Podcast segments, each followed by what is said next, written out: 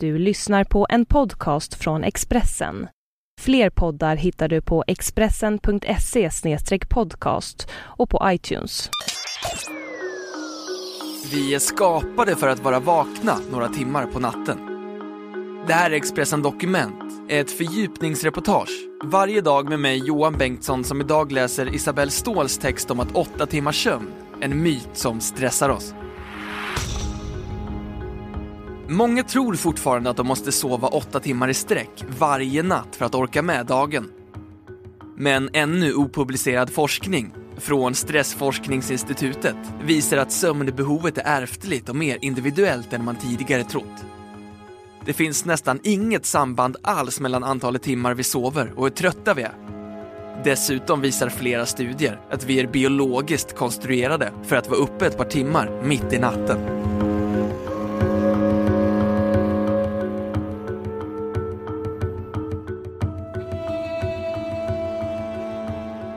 Den gamla idén om att alla behöver åtta timmars sömn verkar vara lika förlegad som Livsmedelsverket 80-talsrekommendation om 6-8 skivor bröd om dagen. Sömnbehovet är individuellt och ärftligt. Har man föräldrar som är långtidssovare kan man vara ganska säker på att man ärvt ett lika stort behov av sömn. Man behöver inte vara trött för att man sover kort tid. Personer som sover länge mår inte bättre än korttidssovare våra studier visar att vissa individer föds med en förmåga att återhämta sig mer effektivt och inte behöver lika lång sömn för att återbilda energiförrådet i hjärnan, säger Torbjörn Åkerstedt, professor vid Stressforskningsinstitutet i Stockholm. Han menar att det är svårt att avgöra vilken sömnlängd man behöver. Helst ska man undersöka det när man inte arbetar på några dagar. Hur länge man sover på helgen är ingen säker indikator på den personliga sömnlängden. Ofta tar man igen förlorad sömn från veckan då. Det viktiga att gå på är hur man känner sig under dagen. Om man är trött och lättirriterad, då behöver man mer sömn, säger Torbjörn Åkerstedt. Dessutom kan man minska sömnlängden tre minuter per år varje år man lever efter 20. Sömnbehovet beror på hur många hjärnceller man har och hur mycket de används. Människor som sover sju timmar lever längre än de som sover åtta. 20-åringarna behöver åtta och en halv timme medan äldre behöver kring sex timmar. Sömnbehovet varierar över månaden. En del kvinnor har mycket sömnstörningar och minskat sömnbehov kring mens, vilket har hormonella orsaker. Enligt en SIFO-undersökning från 2010 tar var tionde svensk någon form av sömntablett. Att sömnbrist kan skada är Torbjörn Åkerstedt tydlig med, men däremot tror han att många oroar sig i onödan när de vaknar mitt i natten. Vi är byggda för att vara vakna efter några timmars sömn och vara igång en stund på natten. Fram till 1850-talet sov människor i två skift och var vakna ett par timmar emellan, säger Torbjörn Åkerstedt. Innan glödlampans uppkomst gick man och la sig vid åtta tiden och studsade upp några timmar senare för att vara i farten ett tag. Den första sömnen kallades sömn nummer ett och gav den mesta av återhämtningen som kroppen behövde. Sen gick man och la sig igen och sov en andra sömn som inte var så viktig men sparade mycket energi, förklarar han. Idén om att man behöver sova åtta timmar utan avbrott är med andra ord ett nytt påfund som färgats av värderingar och vår moderna livsstil. På 90-talet utförde den engelske psykiatrikern Thomas Weir ett experiment där en grupp människor fick vistas i en miljö som var mörk 14 timmar om dygnet. Efter en tid utvecklade de ett distinkt sömnmönster. De sov tungt i fyra timmar var vakna i två timmar och föll sen in i en lättare fyra timmars sömn. Mycket tyder på att vi sov tvåskiftssömn, fram till den industriella revolutionen. 2001 publicerade historikern Roger E. Kirsch vid Virginia Teach University en studie baserad på 16 års forskning som gav starka historiska bevis för att vi är biologiskt anpassade till att sova i två skift.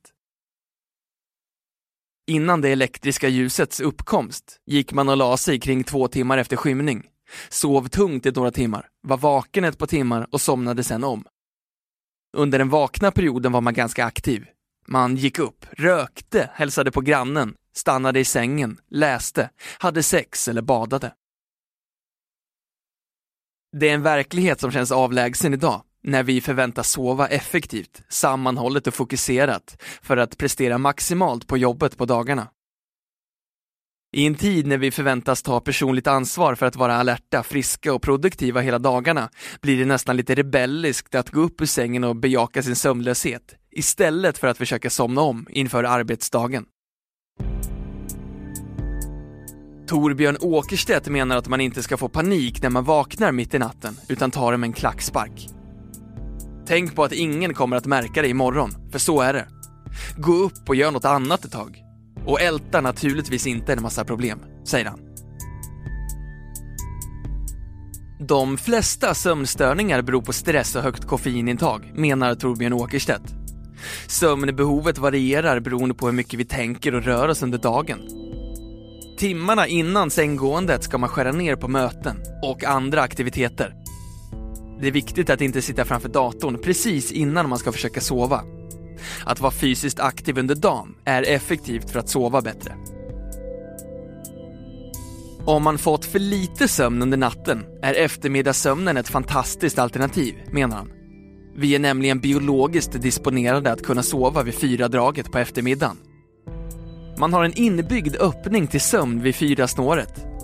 Det verkar som om konstruktörerna ser till så att man ska ha en chans att komplettera sömnen på eftermiddagen om man sovit dåligt på natten. Det finns hos alla människor, men märks bara om man vaknat för tidigt eller sovit dåligt, säger han. Även om det kan vara bra att ligga och vila en stund kan det aldrig ersätta riktig sömn. Den återställer energibalansen i hjärnan och har enorma effekter på immunsystemet, menar Torbjörn Åkerstedt.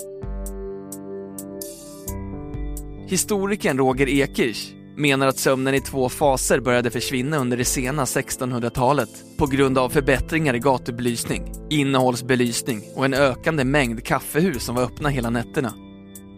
Tiden man kunde ägna åt vila krympte. Under 1920-talet hade idén om en första och en andra sömn helt försvunnit. En mängd sömnstörningar uppkom ungefär samtidigt.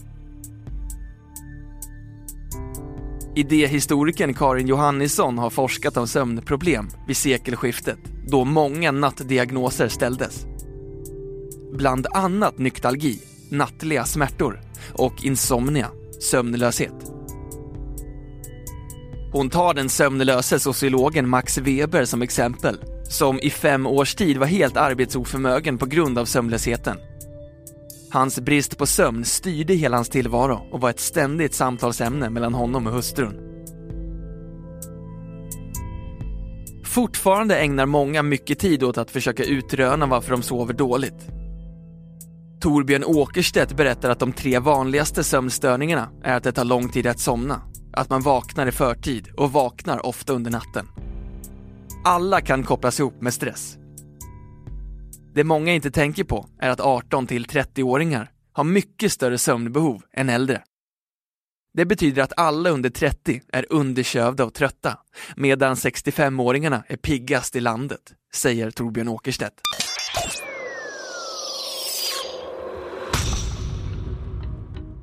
Du har hört Expressen Dokument, ett fördjupningsreportage om att 8 timmars sömn är en myt som stressar oss, av Isabelle Ståhl som jag, Johan Bengtsson, har läst upp.